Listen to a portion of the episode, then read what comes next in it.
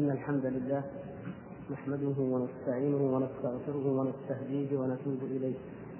ونعوذ بالله من شرور أنفسنا ومن سيئات أعمالنا. من يهدي الله فلا مضل له ومن يضلل فلا هادي له. وأشهد أن لا إله إلا الله وحده لا شريك له. وأشهد أن محمدا عبده ورسوله. اللهم علمنا ما ينفعنا وانفعنا بما علمتنا. إنك أنت العليم الحكيم.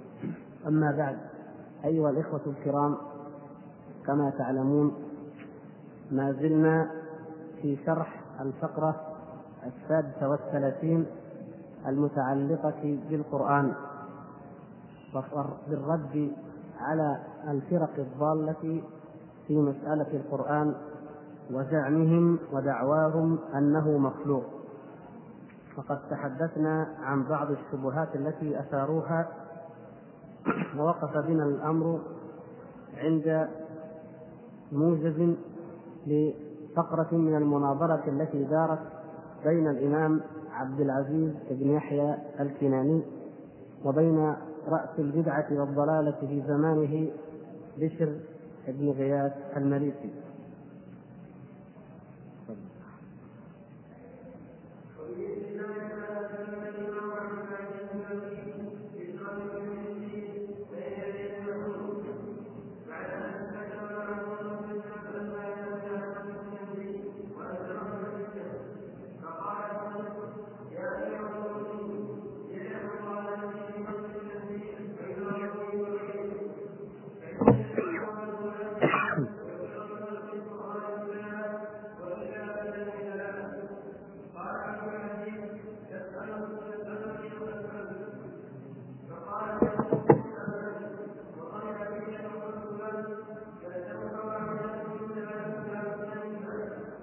واحدة من ثلاث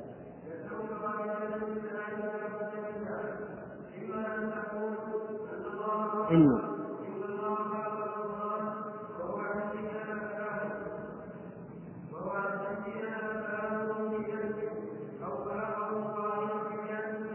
يعني إن الله خلق القرآن في نفسه.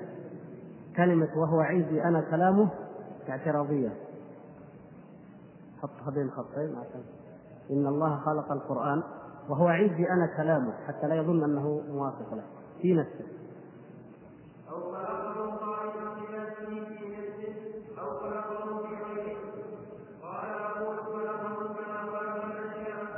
برضه هنا في أو خلقه قائما بذاته ونفسه. ونفسه. ما هو في نفسه؟ إما أن تقول إن الله خلق القرآن في نفسه. أو تقول خلقه قائما بذاته ونفسه. تمام؟ بعض الطبعات صحيحة. أيوه.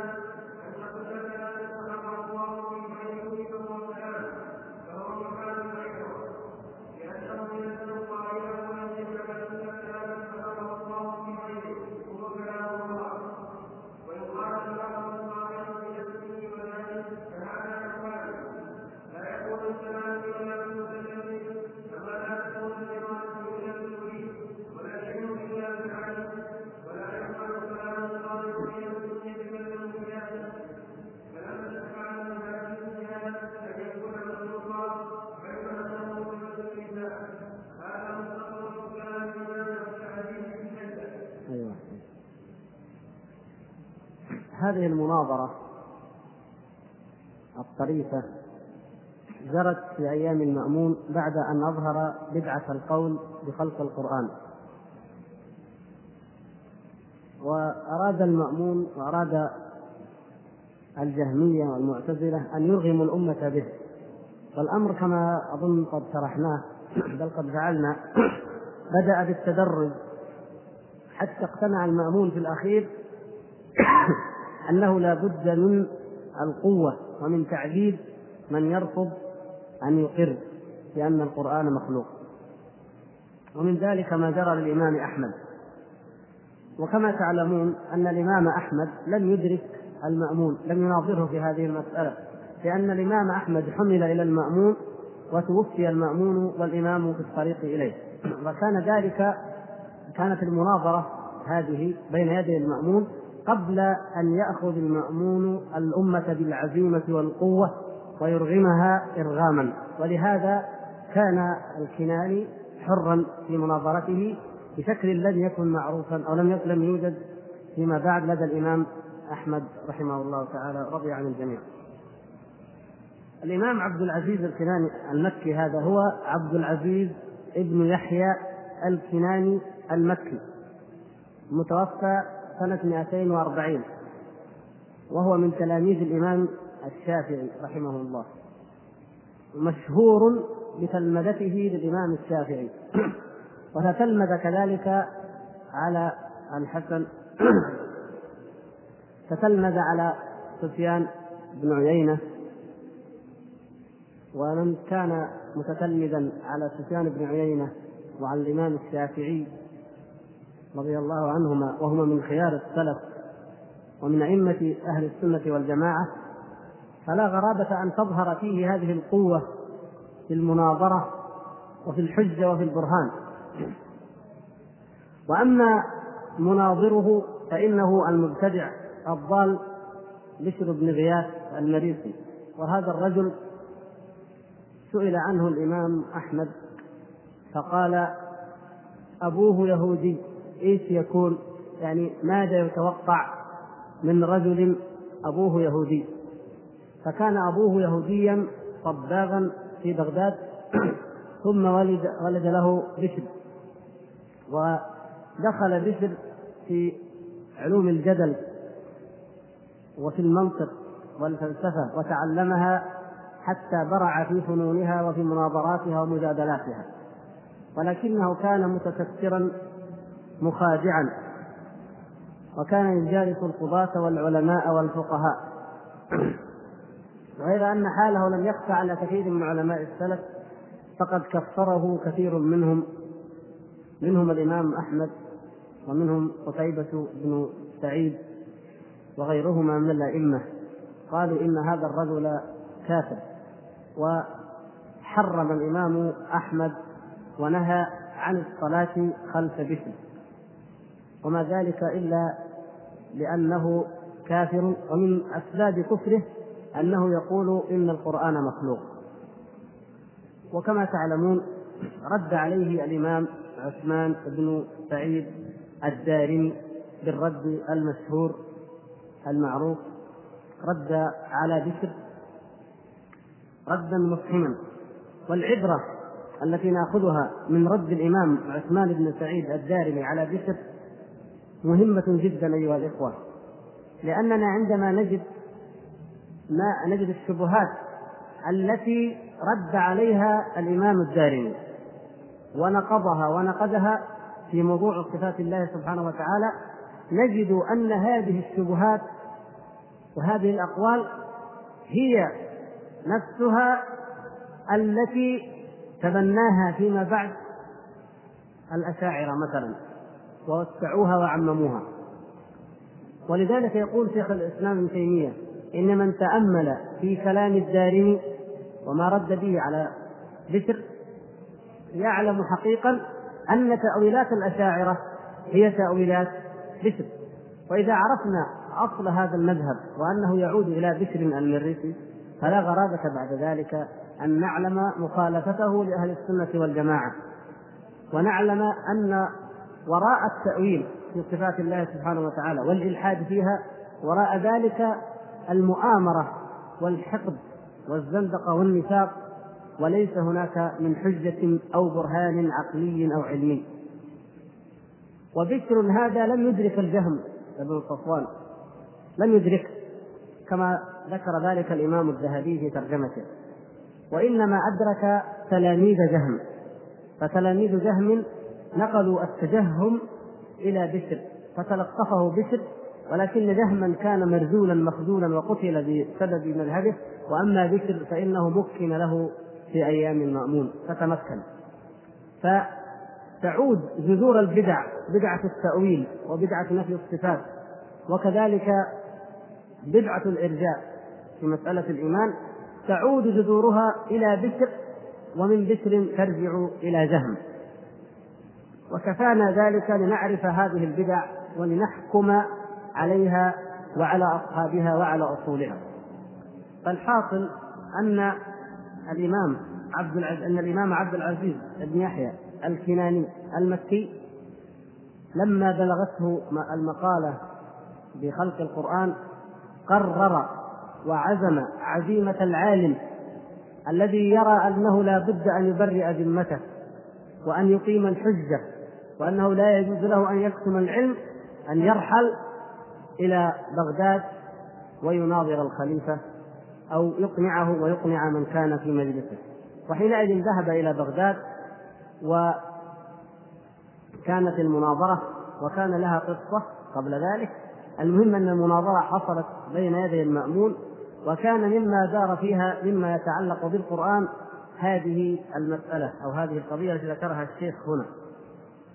وذلك أن بشرا وكذلك برغوث وضرار.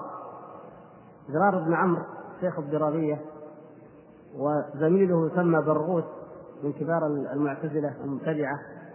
هؤلاء ناظروا الإمام أحمد رضي الله تعالى عنه وأمثالهم. فكان هؤلاء هم بطانة المأمون وهم حاشيته وكان هؤلاء يناظرون ويناقشون بالعقل بالرأي بالجدال. وإلا هل يعقل أن برغوثا يكون كالإمام أحمد في العلم أو في السنة أو ضرار أو بشر من هؤلاء النكرات؟ لكن ما الذي يتميز به ضرار أو برغوث أو بشر أو أمثالهم؟ يتميزون في نظرهم هم بالحجة العقلية وأنهم قرأوا كتب الأوائل ومنطقهم.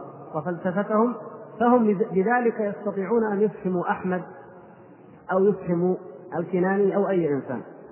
فلما تناظر عبد العزيز الكناني مع بكر بالقرآن وبالسنة أفهمه بطبيعة الحال لأن أولئك خلو من من هذه العلوم جميعا. فعندئذ اقترح بشر وقال للمأمون قال يا أمير المؤمنين ليدع مطالبتي بنص التنزيل. لا نريد لا لا يناظرني بالقرآن ولا بالسنة. يدع ذلك. ويناظرني بغيره.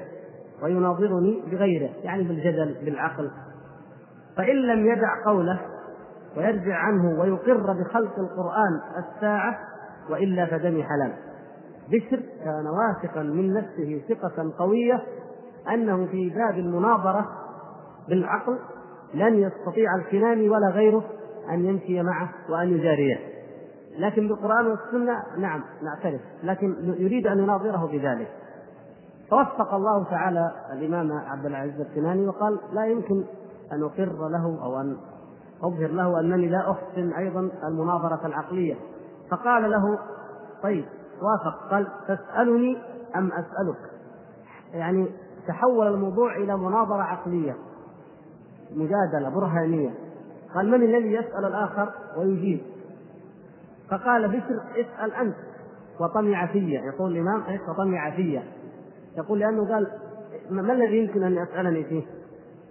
هؤلاء المعتزلة أصحاب البدع مثل النظام والعلاف وضرار وأمثالهم كانوا يجلس الواحد منهم طوال الليل ويقلب الحجة. فإن قالوا كذا قلنا كذا. وإن أجابوا بكذا قلنا كذا. فمن كثرة ما استحضروا ظن أنه لن يأتيه بسؤال إلا والجواب جاهز. ولهذا ذكروا في تاريخ العلاف العلاف والنظام. كانا هما كبار أو كبيرا أي المعتزلة كبيري المعتزلة في زمانهما. وهما أقوى واشهر من أسس الاعتزال كفلسفة فكرية عامة بعد واصل وبعد عمرو بن عبيد. تناظرا في مسألة وتخالفا حتى كان بعضهما يكفر الآخر والعياذ بالله مع أنهما من المعتزلة متفقان في, في الاعتزال. فدخل العلاف على النظام في ليلة من الليالي وإذا به واقف ورجله في الماء ماء بارد ورجله في الماء حتى لا ينام ليفكر كيف يقطعه وكيف يناظره. إذا التقيا في اليوم الثاني. فكان الواحد منهم يجهد نفسه في تمحل الأجوبة وأنواع الاستدلالات ويستجمعها ويظن أنه لن يتفوق عليه أحد. ولكن الله عز وجل يقول بل نقذف بالحق على الباطل فيدمغه فإذا هو زاهق. إذا جاء الحق وجاءت الحجة البرهانية المأخوذة من الكتاب والسنة دمغت باطل أولئك وأقاويلهم وبراهينهم مهما طالت ومهما كثرت. فكان بشر واثقا من نفسه. ولذلك قال لما طمع في قال اسأل. فقال له يلزمك فقلت له يعني الإمام قال له يلزمك واحدة من ثلاث. لا بد ولا مناص لك من أن تقر بواحدة من ثلاث مسائل أو من ثلاثة أمور بالنسبة لقضية كون القرآن مخلوقا. قال ما هي؟ قال إما أن تقول إن الله خلق القرآن في نفسه. هذا واحد. وإما أن تقول إن الله خلق القرآن في غيره. وإما أن تقول إن الله خلق القرآن مستقلا بنفسه. لاحظتم الفرق؟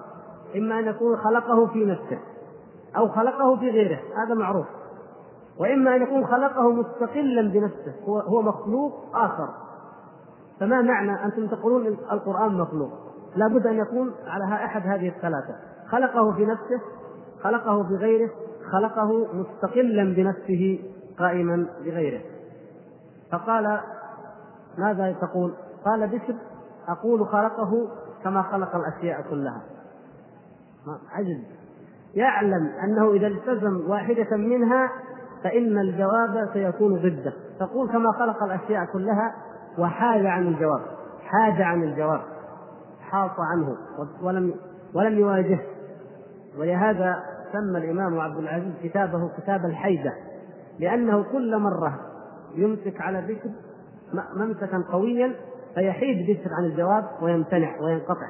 فيضطر المأمون أن يتدخل ويقول إنه قد انقطع وقد أفحم فأجب أنت يا عبد العزيز. فلما حاد بشر قال المأمون اشرح أنت هذه المسألة ودع بشرا فقد انقطع. حكم الخليفة لأن بشرا قد انقطع عن الجواب وطلب من عبد العزيز أن يشرح هو ما معنى هذه اللوازم الثلاثة. فقال له إن قال أو إن التزم أن القرآن أن الله خلق القرآن في نفسه فهذا محال لأنه قد جعل الله تعالى عن ذلك علوا كبيرا محلا للمخلوقات خلق شيئا في نفسه فهذا محال.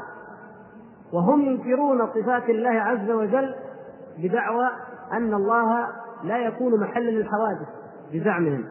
يقولون الغضب الرضا النزول الاستواء ينفونها عن الله. لماذا؟ قالوا إذا أثبتناها فقد جعلنا الله محلا للحوادث فينفون هذه الأمور عن الله. فكيف يقولون خلق القرآن في نفسه؟ القرآن مخلوق في نفسه. إذا قد جعلوه فعلا محلا للحوادث. فقال هذا محال. طيب هذا هو الوجه الأول. والوجه الثاني إن قال خلقه قائما بذاته أو قبل إن كان خلقه في غيره. إن قال بشر إن الله خلق القرآن في غيره. فيلزمه أن كل كلام في الدنيا هو كلام الله عز وجل.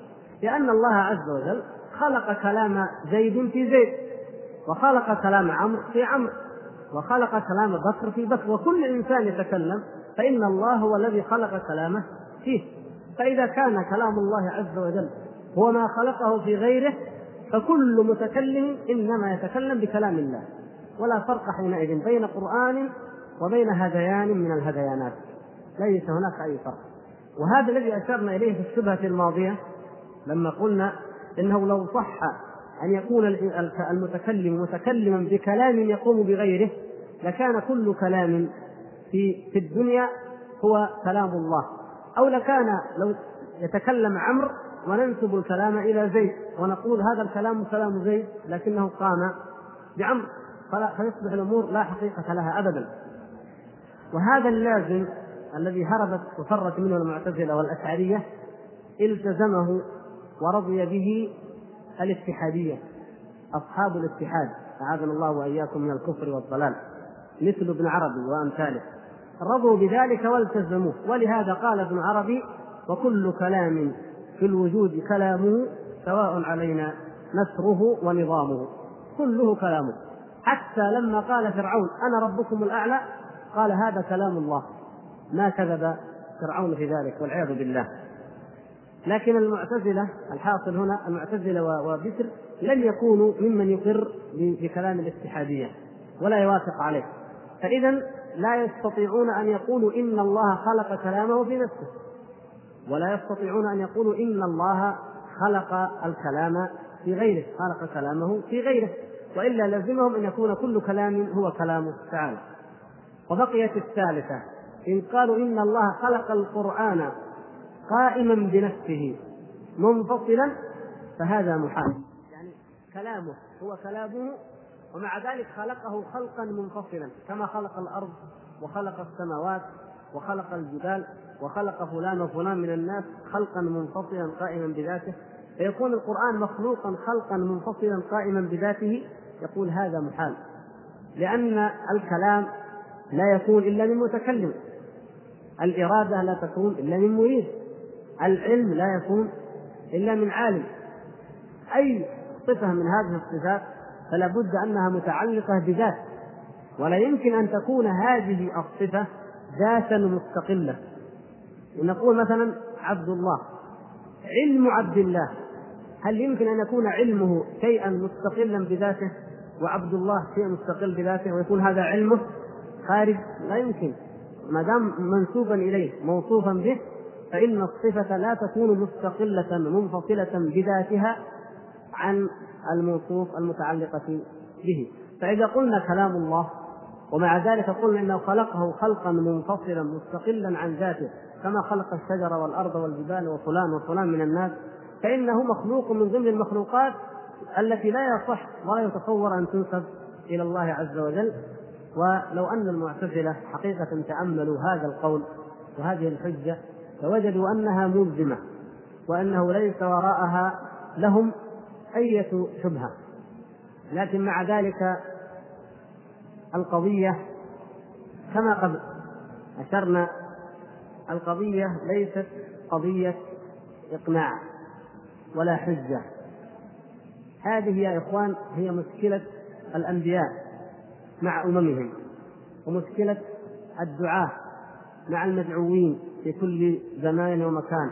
ومشكلة أهل السنة مع المبتدعة دائما. القضية ما هي قضية عدم اقتناع ولا عدم إقامة حجة. الحجج واضحة والبراهين قاطعة ونيرة. ولكن المسألة عناد واستكبار وتمرد وجحدوا بها واستيقنتها أنفسهم ظلما وعلوا.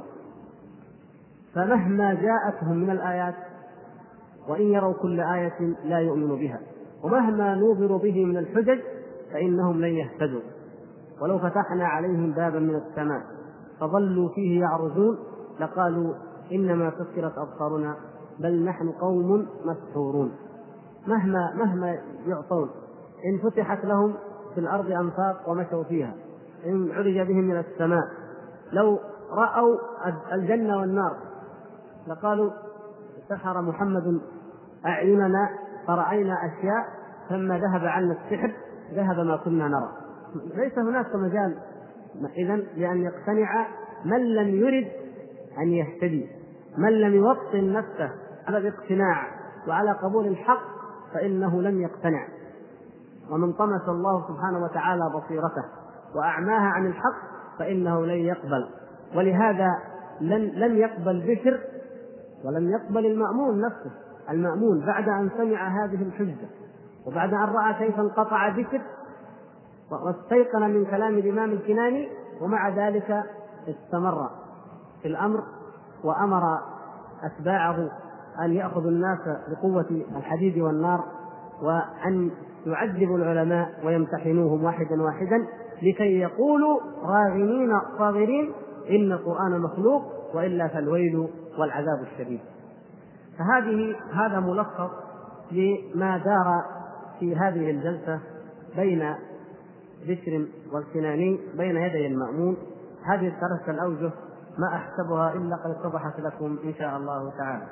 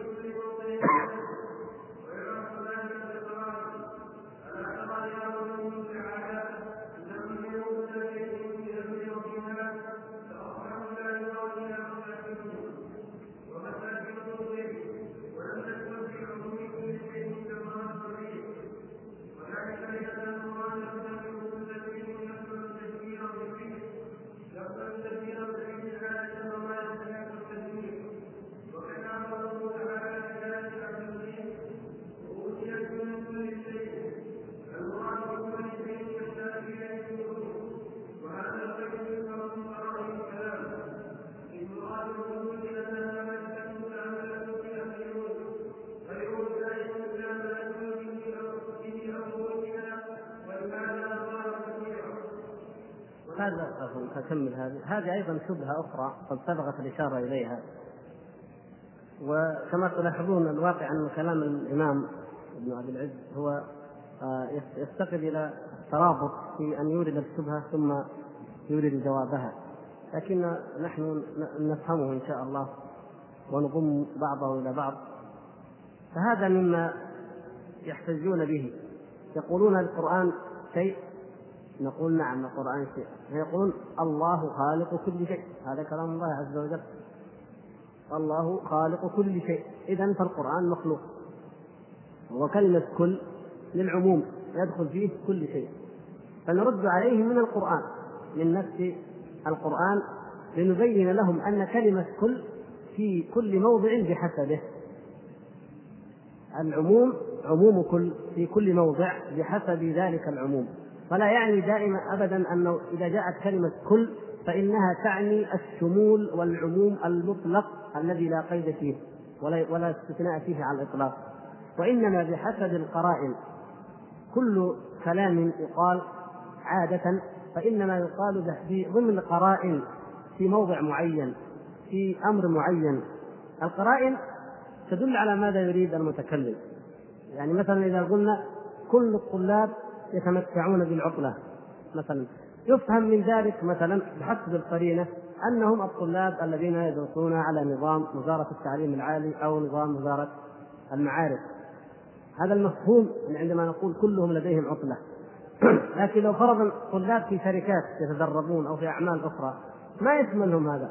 هم بطبيعة الحال ما يحتاج أن نستثنيهم لأن المقام ليس مقام الحديث عن كل طالب في الدنيا. وإنما الكلام عن الشيء المعروف والمشاهد أو الذي نحن بصدد الحديث عنه أو الذي نحن في هذه الأيام يدور حوله الكلام في العطله وشأنها. وأمثال ذلك نجد أنه في في في لغة الناس العادية لو أنك قلت أمثال هذه العبارات واعترض عليك معترض فإنك قلت كل الناس اذا كل هذول العمال والموظفين ما ما قصدت ذلك. يعني تستغرب أنه آه، فهم ذلك أو لاحظ أنك تعمم ذلك. وهكذا يعني يقول الإمام الشافعي رحمه الله كلمة عظيمة. يقول ما فسد الناس ما فسدت عقول الناس إلا لما تركوا منطق العرب ومالوا إلى منطق ارسطو منطق العرب العرب يعني لديهم منطق فطري يعني يستدلون ويتكلمون بكلام معروف بقرائنه لا يحتاج أن يأتي أحد فيقول لا هذا هذا يمكن هذا يكون عام. أنت قصدت كل شيء أنت مثلا أي أي إنسان نزل عليه القرآن من قريش ومن غيرهم يقرأ قول الله تبارك وتعالى الله خالق كل شيء لا يمكن أن يرد في ذهنه أنه خالق أيضا صفاته سبحانه وتعالى لأن صفات الشيء هذه تأتي على منطق اليونان على منطق أرسطو الذي منطق الذي منطق فاسد الفطرة الفطرة فاسدة. ومجرد الاحتمالات العقلية تتوارد على الذهن أمور كثيرة. لكن المنطق الفطري السليم لا ترد عليه أمثال هذه الإشكالات.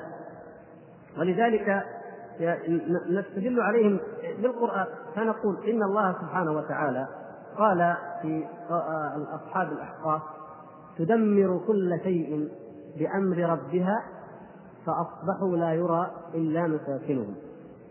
الله سبحانه وتعالى لما سلط عليهم الريح العقيم عافانا الله وإياكم. من عذابه وانتقامه ورأوا السحاب رأوه عارضا فلما رأوه عارضا مستقبل أوديتهم قالوا هذا عارض ممطرنا كانوا ينظرون يظنون إنه مطر وهذا من الاستهانة بعقوبات الله عز وجل. ولهذا كان النبي صلى الله عليه وسلم إذا رأى سحابا عارضا يتغير لونه صلى الله عليه وسلم ويخاف ويقول إن أمة قد ظنت أنه عارض ممطرها وكان عذابا أو كما قال صلى الله عليه وسلم. فهكذا يعني المؤمن دائما يحس في ذهنه دائما في قلبه في ذهنه الإحساس الدائم بأن هذا الكون بتدبير الله عز وجل. وأن عقوبة الله عز وجل قريب ممن يعصيه سبحانه وتعالى. كما تلاحظون أيها الإخوة لا يكاد يخلو أسبوع من بدعة تظهر من أمثال هذه النشرات وهذه الكتب. وقد نبهنا ويجب أن ننبه مرارا إلى أن مثل هذه لا يجوز أن تطبع ولا توزع. وعلى الإمام أو المؤذن إذا وجدها في المسجد أن يجمعها جميعا ثم يحرقها أو يسلمها لمكتب الدعوة.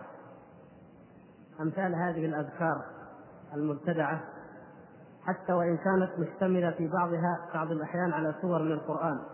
ولكن الترويج ترويج البدعة استخدام أو استغلال الحق لترويج الباطل معه هذا لا يجوز أن نقره. وهذا كما تعلمون بالإضافة إلى كونه بدعة في الدين هو ممنوع من قبل وزارة الأوقاف وممنوع من قبل الدعوة.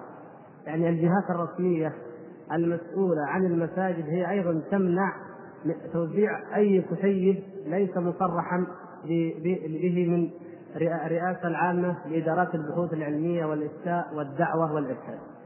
فمن كان فاعل خير ويريد أن يطبع كتابا في الأذكار فليتقدم إلى الرئاسة. ويقول أنا عندي مبلغ عشرة آلاف عشرين ألف وهم يختارون صحيح الكلم الطيب مثلا يختارون الوابل الطيب يختارون أي كتاب من الكتب الصحيحة في الأذكار ويبيعونها.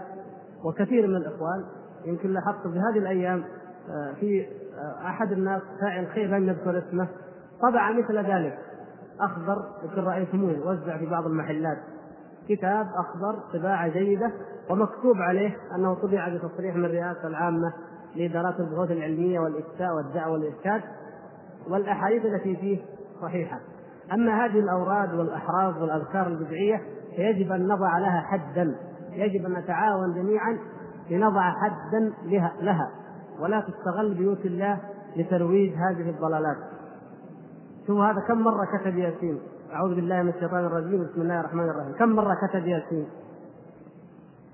واحد اثنين ثلاثة أربعة خمسة ستة سبعة. من أين جاء بهذا؟ هذا قرآن جديد.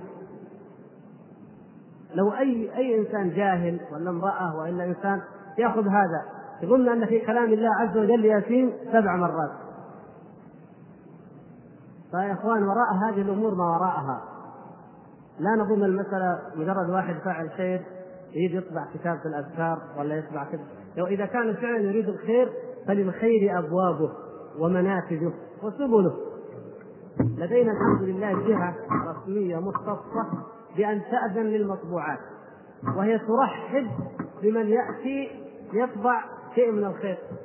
فلماذا يترك الأمر عبثا ويترك لكل ذي هوى؟ والسبع الآيات المنجيات. من أي ما الدليل على هذه الآيات وأنها منجيات؟ ومن أي شيء تنجي؟ هكذا يريدون فهو الحقيقة هذا نفس الذي مر معنا في المرة الماضية أو غير قريب منه لكن الطبعات تختلف وإلا هو شكل واحد. أحيانا يباع حبة بريال أحيانا يوزع إلى آخره. المهم أن نكون حذرين يا إخوان وقد رأيتموه وعرفتموه فوائد قراءة ياسين والآيات المنجيات وبعضها يكون معها حرز بعضها يكون حرز الجوشن الكبير والجوشن الصغير، إيش الجواشن هذه؟ ما ندري منين جابوها.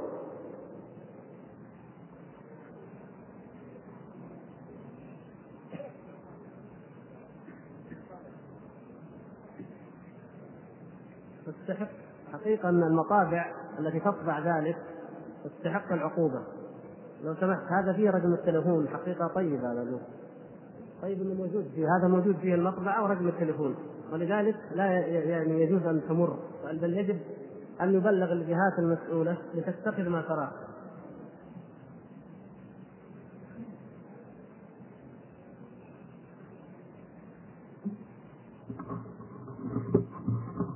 القسم بالمصحف الشريف أو القسم بكلام الله كأن نقول والقرآن أو والمصحف هل هو قسم صحيح؟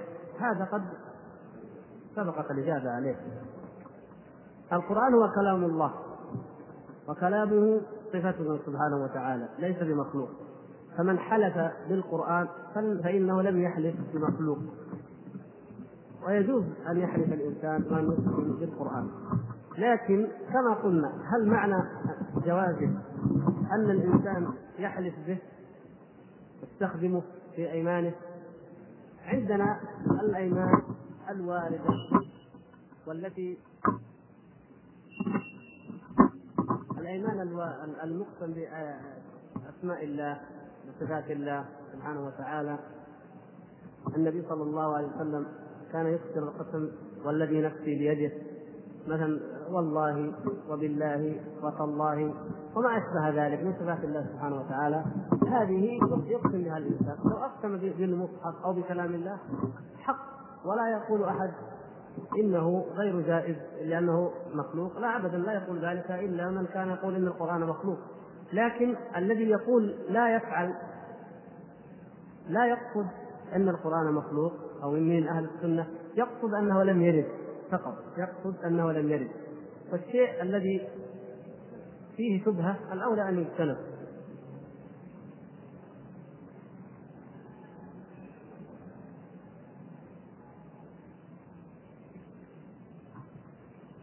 بعض الإخوان يسألون عن الفرق لعلنا نؤجل الموضوع حتى آه، نرى موضوع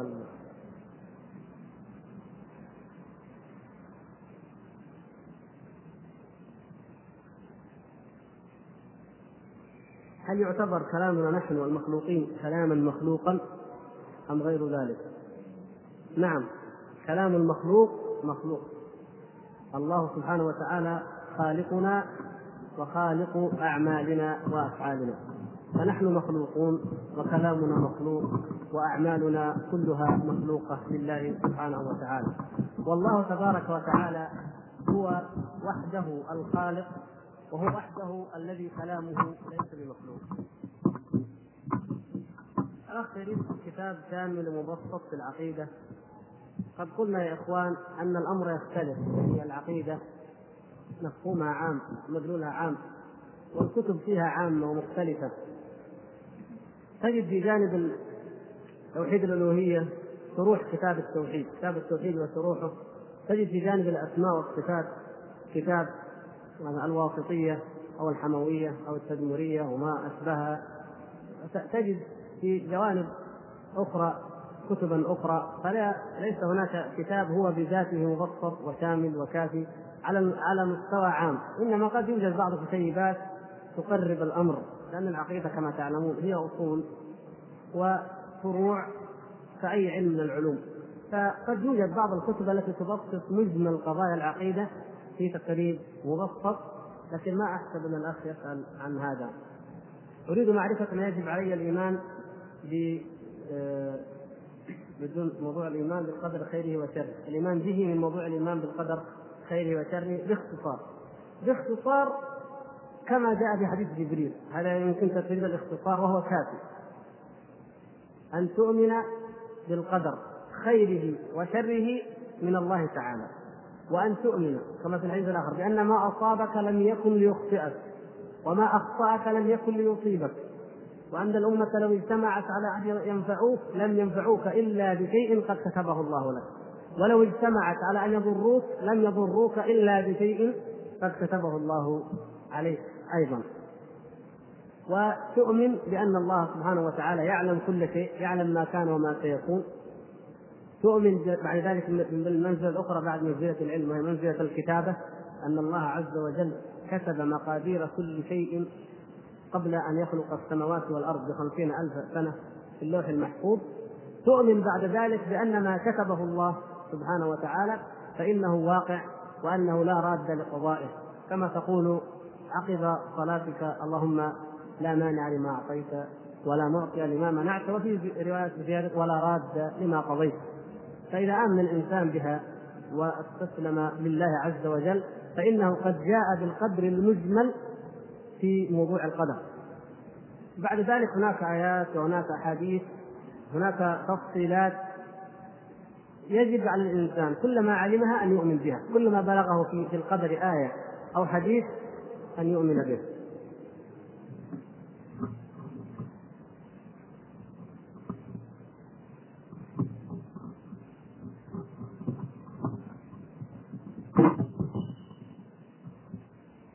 ما حكم القول بخلق القرآن وإن كان كافرا فلما لم يكفر الإمام أحمد المأمون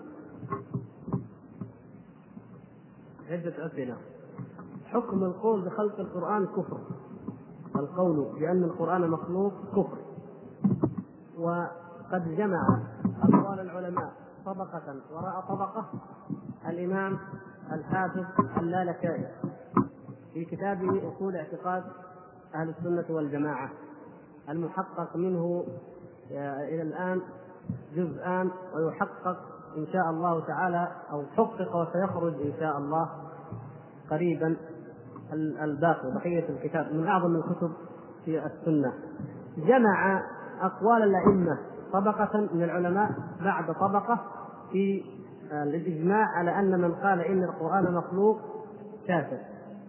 هذا من حيث المبدأ من حيث المبدأ. كل من قال إن القرآن مخلوق كافر. لكن من حيث التطبيق يختلف الأفراد.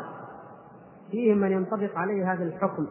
لوجود الشروط وتوفر وانعدام الموانع كما سبق أن أوضحنا أن كل حكم من التكفير أو الخلود في النار أو نحوه فإنه يلزم له استيفاء الشروط توفر الشروط وانتفاء الموانع. قد توجد الشروط وتنتفي الموانع في حق إنسان ما فيكفر كما كفر بشر. أكثر العلماء يكفرون بشرا المريسي مثلا. ولكن المأمون مثلا لم يكفروا الإمام أحمد ولا المعتصم. نعم لم تتوفر الشروط أو لم تنتفي الموانع لأن المأمون كان رجلا جدلا لسنا وكان يحب أن يظهر وأن يتفوق دين الإسلام.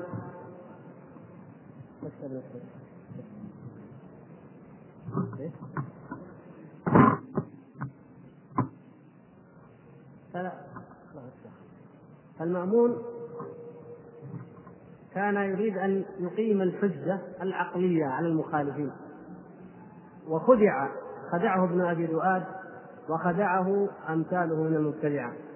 ومن كان هذا حاله فإنه يعذر من الإنسان المخدوع الذي يعتقد شيئا من الباطل في في دليله غموض وحجته ليست واضحة وبينة ولم يستطع أو لم يجد من يبين له الحجة. أو لم يستطع أن يتبين هو الحجة ويظن أنه في نصره لهذا المقالة أو لهذه البدعة أنها نصر وأنها تأييد للإسلام وهو صادق في ذلك. فعدة عوامل تأتي مثل هذه العوامل تدل تجعل الإنسان يتوقف في الحكم بتكفيره مع القول بأن المسألة نفسها كفر أو بأن القول نفسه كفر. وبعضهم ينقل عن الإمام أحمد أنه كان لا يرى المأمون مسلما أو لا يراه خليفة. أيضا بعضهم أظن أبو يعلى ذكر ذلك. لكن الظاهر مما حصل في قصته في السجن وغيره أنه لم يكن يكفرهم في أعيانهم إلا بعض نفر منهم. بحسب مجادلته لهم فيرى بعضهم مستحقا ان يكفر ويرى أن بعضهم يظن أنه على الحق وأنه على الصواب ولكن لم تنفتح بصيرته لمعرفة الشبهة وردها ومعرفة الحجة وقيامها وعلى كل حال هذه الموضوعات دائما الحكم على الأعيان وعلى الأشخاص ليست بالأمر الهين الذي يجازف فيه ويتعجل فيه.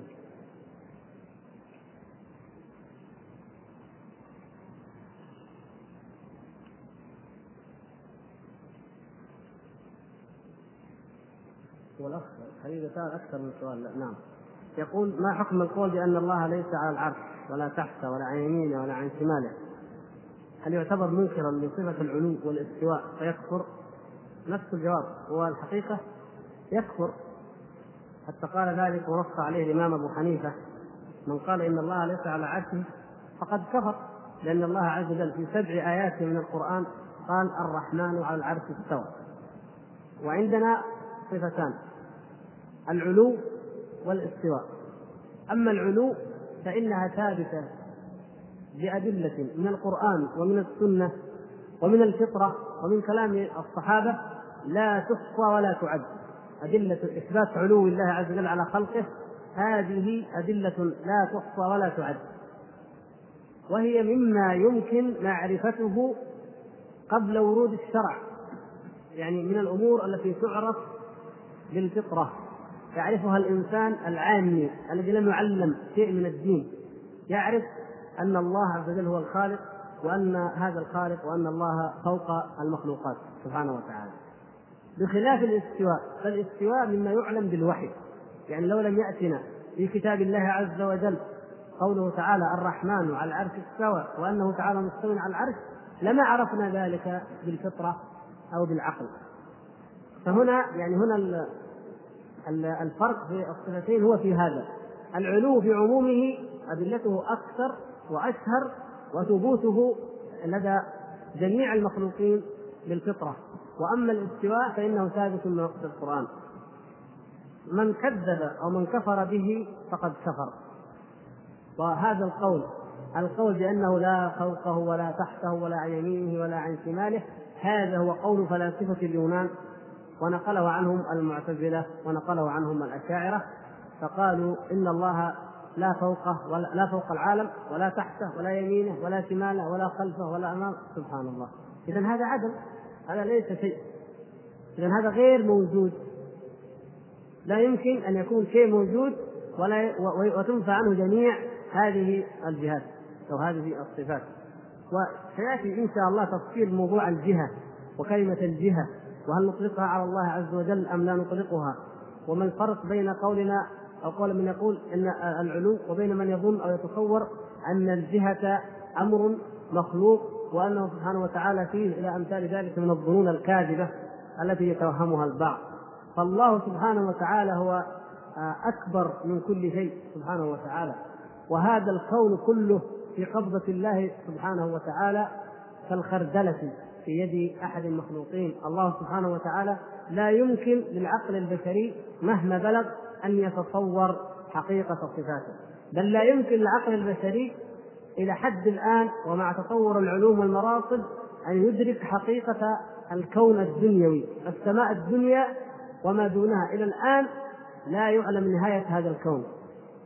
لا تعلم. كل مرة يكتشفون مجرة يكتشفون مجرتين يكتشفون ابعادا في هذا الكون الدنيا السماء الدنيا.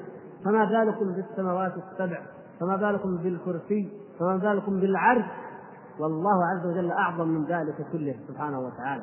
فالعقل البشري لا يمكن ولا يستطيع ابدا أن يعرف حقيقة صفات الله عز وجل حتى أن يقول لا فوق ولا تحت أو أي معنى من المعاني. وإنما عليه وعلى كل مؤمن أن يؤمن بالله سبحانه وتعالى بما أثبت لنفسه وأن يعتقد أنه ليس كمثله شيء وهو السميع البصير سبحانه وتعالى. وهذا يكفي التكفير نفس العبارة قال الإمام شيخ الإسلام ابن تيمية لهم لما نظرهم قال لو كنتم لو كنتم تعلمون ما أعلم لكفرتم ولو لو قلت أنا فيما تقولون لكفرت. لكن أنتم عندي معذورون. قالها لهم لمن كانوا ينكرون العلو وينكرون بعض الصفات والعلو من اشهر الصفات وأوضحها. فيقول لو قلت بما تقولون لكفرت. لأنه يعلم الأدلة ولا شبهة لديه والأمر واضح عنده. ولكن أنتم لا أكفركم يعذرهم بأنهم يجهلون هذه الأمور ويجهلون استنباط الحجة. لكن لا يعني ذلك أن كل من يقول أن القرآن مخلوق معذور أو كل من ينفي العلو معذور بإطلاق. لا. يوجد فيهم المنافق ويوجد فيهم الكافر. ولكن نحن إذا أردنا أن نطبق الحكم على معين فلا بد أن نتحقق ونتأكد في الأمر الظاهر الأمر الظاهر لنا كما قال النبي صلى الله عليه وسلم أمرت أن أقاتل الناس حتى يشهدوا أن لا إله إلا الله وأن محمدا رسول الله ويقيموا الصلاة ويؤتوا الزكاة. فإذا فعلوا ذلك عصموا مني دماءهم وأموالهم إلا بحق الإسلام وحسابهم على الله تعالى. يعني لنا نحن العلانية أن يفعلوا ذلك. وكان النبي صلى الله عليه وسلم يرسل السرية من الجيش فتبيت في الليل بقرب القوم الذين يراد غزوهم فإن سمعوا الأذان وإلا أغاروا إذا سمعوا الأذان أذنوا صلاة الفجر علم أن هؤلاء مؤمنون مسلمون فلا يغار عليهم وإن لم يسمعوا أغاروا. فإذا القتال أو القتل أو التكفير أو أي حكم نحكم به نحن البشر يكون بناء على الأمر الظاهر. أما الحقائق والبواطن فهي عند الله تبارك وتعالى. فهذا مما يعني يفهم في أمثال هذه الأمور وهو أن قد يكون في أصحاب هذه المقالات قد يكون فيهم الكافر المنافق الزنديق وقد يكون فيهم الضال المبتدع وقد يكون فيهم المخدوع الجاهل وقد يكون وقد يكون. فلا نطلق الأحكام إلا بعد اليقين وبعد التأكد. لماذا نهى الإمام أحمد عن كتب الحارث المحاسبي؟ الحارث المحاسبي وأمثاله كتبوا في الخطرات والوساوس كما ذكر ذلك الإمام الذهبي في ترجمة الحارث في الميزان. هؤلاء الناس كتبوا في الخطرات والوساوس وكيفية معالجة القلوب وكيفية إصلاحها وكان الإمام أحمد والفضيل وسفيان بن عيينة وهما شيخا الإمام وامثال من أئمة السنة يخشون أن يتحول الناس عن قراءة الكتاب والسنة وهي التي فيها الشفاء الكامل للقلوب والعلاج الكامل لأدوائها وما يخطر فيها إلى قراءة كتب الحارث المحاسبي وأمثاله إلى هذه الكتب التي تتحدث عن الخطرات وعن الوساوس وعن القلوب وعن علاجها. هذا بالإضافة إلى ما كان في هؤلاء القوم من الابتداع فإن المحاسبي كان مبتدعا وكان من أهل السماع كان لهم في السماع رأي يجوزون السماع ما معنى السماع؟ الذكر ذكر الله عز وجل بالشعر بطريقة الإنشاد القصائد حتى ولو كانت من الرقائق لكن تنشد بشكل جماعي ويحتسب أصحابها فيها الأجر من الله عز وجل وأن هذا من الأذكار. فيتحدثون في دقائق القلوب. وكان الحارث المحاسبي يأخذ بعض أصحابه وينطلق بهم إلى الصحراء في الليل. يخرج بهم إلى الصحراء يقول حتى يفكر وحتى آه، يعني آه، آه، القلوب عندما تصفو في الخلاء وفي الصحراء فتنزل عليها الحقائق. أمثال هذه الأمور بلا شك أنها بدايات للبدع. بعضها بدعة وبعضها بداية لبدعة أكبر وهذا ما وقع فعلا.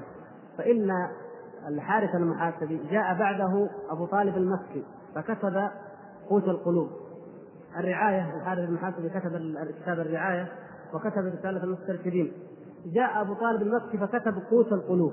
وقوت القلوب فيه معاني جيدة. وجميلة ورائعة لكن فيه كلام من أمثال هذه الأمور توسع أكثر من المحاسبي جاء أبو حامد الغزالي بعد ذلك فكتب إحياء علوم الدين مبنيا على قوت القلوب وعلى الرعاية وأمثاله. ثم خرج الأمر بعد ذلك وجاء في الإحياء من الطوام بل من الكفريات النقول الكفرية الشيء الكثير وهكذا. مع أن المنطلق في أمره قد يبدو أنه لا بأس به. تكلم بخطرات القلوب في وساوس القلوب كيفية معالجتها.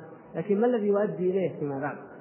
فكان الأئمة هؤلاء منهم الإمام أحمد كانوا حريصين على اتباع السنة وأن الدواء الشافي الكامل في كتاب الله عز وجل لأية شبهة. فعلاج القلوب إنما يكون من كتاب الله عز وجل. ولو أن هؤلاء الناس عالجوا القلوب بالقرآن لما أنكر عليهم أحد. الحسن البصري رحمه الله كان هو سيد هؤلاء القوم في التربية وفي التزكية ولكن كان بالقرآن وبالسنة كان يتكلمون عن أمر من الأمور فيجيبهم بشيء من كتاب الله أو مستنبط من كتاب الله ومن سنة رسول الله صلى الله عليه وسلم. فلم ينكر عليه العلماء بل كانوا ينقلون كلامه ويستفيدون منه. فالإنكار ليس على أن الإنسان يستنبط أو يفهم من كتاب الله الإنكار على من يتخذ أمرا ليس في كتاب الله وينتهج نهجا ليس هو المنهج الذي أنزله الله على النبي محمد صلى الله عليه وسلم. في إمكان الأخ أن يراجع ترجمة المحاسبي في طبقات في حلة الأولياء وفي تاريخ بغداد ويرى أكثر من ذلك.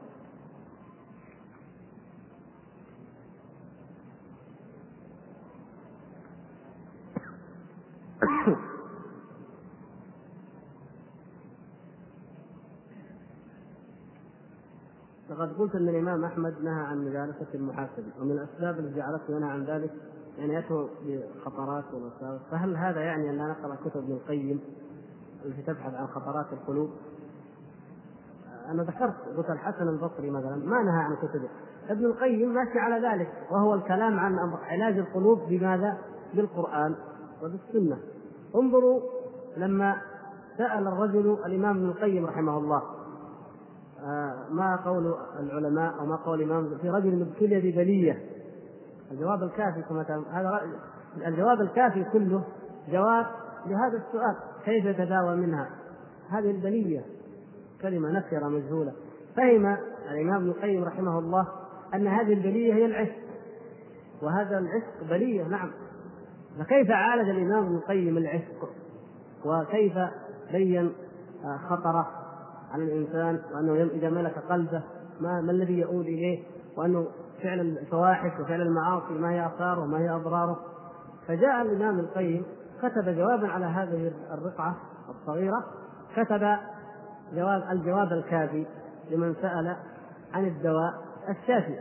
وذكر الآيات والأحاديث أضرار المعاصي ونتائج المعصية ولماذا حرم الله سبحانه وتعالى الزنا وكيف يؤدي النظر وما هي المساوئ النظر ثم الزنا اللواطة بعد ذلك والعياذ بالله. وكل هذه الأمور ذكرها وذكر ما ختم الله تعالى به من سوء الخاتمة لمن كان همه في الدنيا العشق أو نظر في الصور الجميلة المحرمة.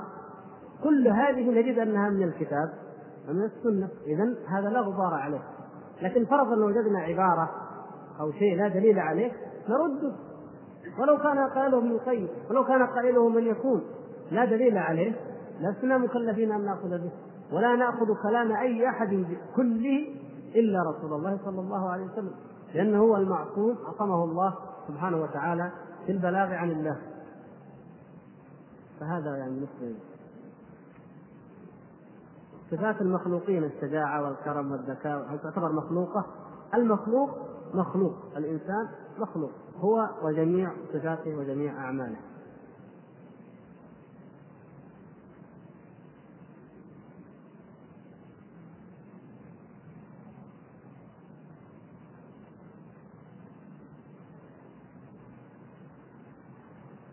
الأخ يقول إذا قال قائل أنا ربكم الأعلى هذه العبارة كلام الله عز وجل لأنه ذكرها في قرآنه فقال أنا ربكم الأعلى. إذا فهذا الكلام ليس كلام ليس كلام الله تكلم به وإنما كلام خلقه في فرعون. آه، وإلا لزم من ذلك أن يكون فرعون صادقا في ذلك وهذا كذب فإنما كلام خلقه في فرعون وهذا كذب. فبهذا يكون القرآن مخلوقا وليس هو كلام الله ما رأيكم؟ يعني الأخ كأنه يستشكل هي العبارات ما لكن كأنه يستشكل أنه لو جاء أحد وادعى بهذه الدعوة نحن قلنا أن تسوية المعتزلة هذا هو المراد المقصود تسويتهم بين كلام الشجرة وكلام فرعون لازمة لهم أما أن يقول فرعون خلق كلامه والشجرة كلام الله عز وجل خلقه فيها وهي التي تكلمت فهذا تناقض. لابد أن يلزمهم أن يقولوا إن الكلام كلمة أنا ربكم الأعلى أيضا كلام الله وهذا كذب وهذا كفر. أو يقولوا إن فرعون هو تكلم بنفسه من عند نفسه بكلام والله تعالى خلقه فيه خلق كل إنسان مقدرة ان يتكلم إلا من لم يشاء له الكلام.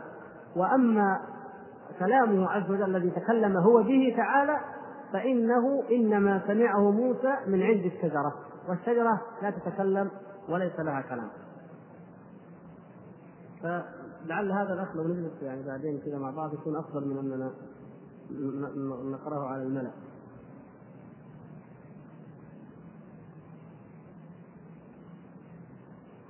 من المعروف شرعا أن الجهات كلها سواء فوق وتحت إلى آخره مخلوقة. فكيف يوصف الله جل جلاله بأن بأي جهة من هذه الجهات؟ علما بأنه من المستحيل أن يكون الخالق في المخلوق. هذا اللي أنا قلته قلت هذه يعني لا نريد أن ندخل في تفصيلها. لكن نقول الجهة تطلق ويراد بها شيئان. كلمة الجهة. يراد بها الشيء المخلوق يعني أمر وجودي هو الشيء المخلوق. الذي نحن نقول شمال المسجد جنوب المسجد فهو قطعة الأرض المخلوقة التي تقع شمال المسجد أو جنوب المسجد وهكذا في أي شيء في الكون. وتطلق الجهة بمعنى أمر عدمي أمر عدمي اعتباري. شيء لا وجود له إنما اعتباري فقط في الاعتبار في الذهن فقط. فالمخلوقات كل مخلوقات الله عز وجل الله عز وجل فوق المخلوقات. فهو فوقها فعندما نقول فوق هنا لا نعني شيء محسوس موجود مخلوق الله سبحانه وتعالى فيه. تعالى الله عن ذلك علوا كبيرا. وإنما هي شيء عدمي اعتباري باعتبار المخلوقات. وكل ما عدا الله مخلوق فالله سبحانه وتعالى هو فعلا حقيقة هو فوق المخلوقات. فهذه أرجو لا تستعجلوا عليها. ستأتي إن شاء الله ونفصلها. أن الجهة لها معنيين. معنى وجودي مخلوق ومعنى عدمي لا وجود له. مجرد شيء اعتباري ليس هناك شيء موجود يسمى الجهة وإنما هي